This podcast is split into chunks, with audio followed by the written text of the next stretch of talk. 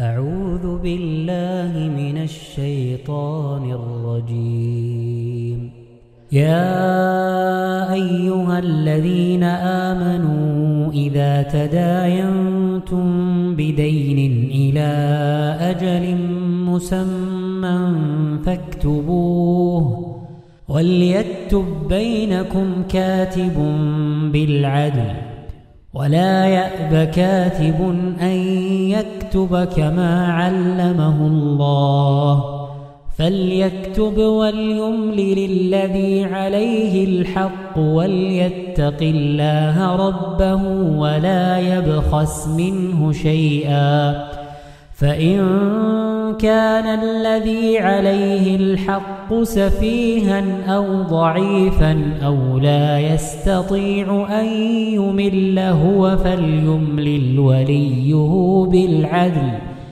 واستشهدوا شهيدين من رجالكم فإن لم يكونا رجلين فرجل وامرأتان ممن ترضون من الشهداء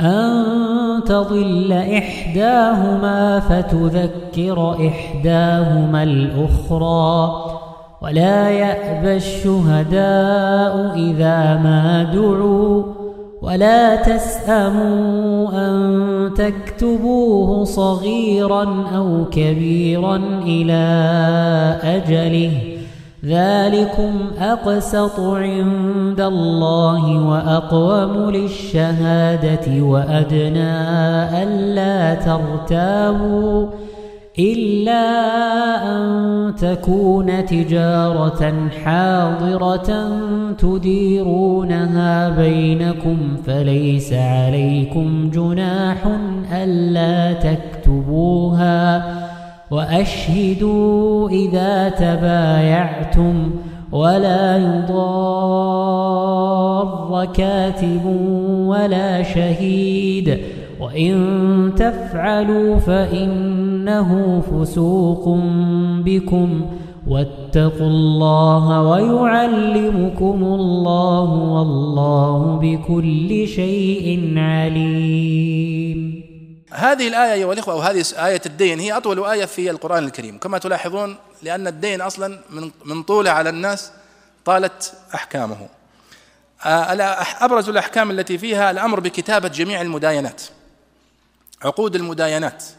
هناك أمر بكتابتها وعدم التساهل في ذلك إما وجوبا وإما استحبابا لشدة الحاجة إليها. وبعض الناس يتهاون يقول والله أنا أخذت مني مئة ألف ما بكتب عليه ورقة أنا أستحي منها هذا صديقي وكذا ثم يجي بكرة يختلف هو وياه يقول هذاك يا أخي والله أنا أخذت منك تسعين ألف ما أخذت منك مية يا أخي أنا أخذت مني مئة ألف أنا أعطيتك ما أعطيتك دخلنا في مهاترات لو كان الإنسان استجاب لأمر الله سبحانه وتعالى ووثق ما فيها شيء إنك تكتب ورقة أنا والله فلان استدنت كذا وتوقع وانتهت القضية. آه، أيضا من فوائد الآية أن يكون الكاتب عدلا في نفسه لاجل اعتبار كتابته وأن يكون عارفا بكتابة الوثائق. وهذا واضح من الآية. تجوز جميع أنواع المداينات مع وجوب تسمية الأجل. أي دين فإنه جائز لكن يجب أن يكون هناك أجل واضح وإلا دخلنا في الغرر.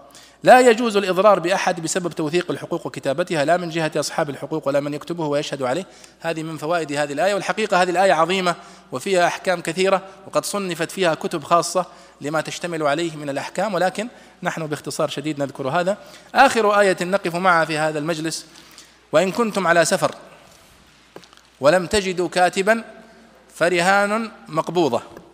فإن أمن بعضكم بعضا فليؤدي الذي اؤتمن أمانته وليتق الله ربه ولا تكتموا الشهادة ومن يكتمها فإنه آثم قلبه والله بما تعملون عليم.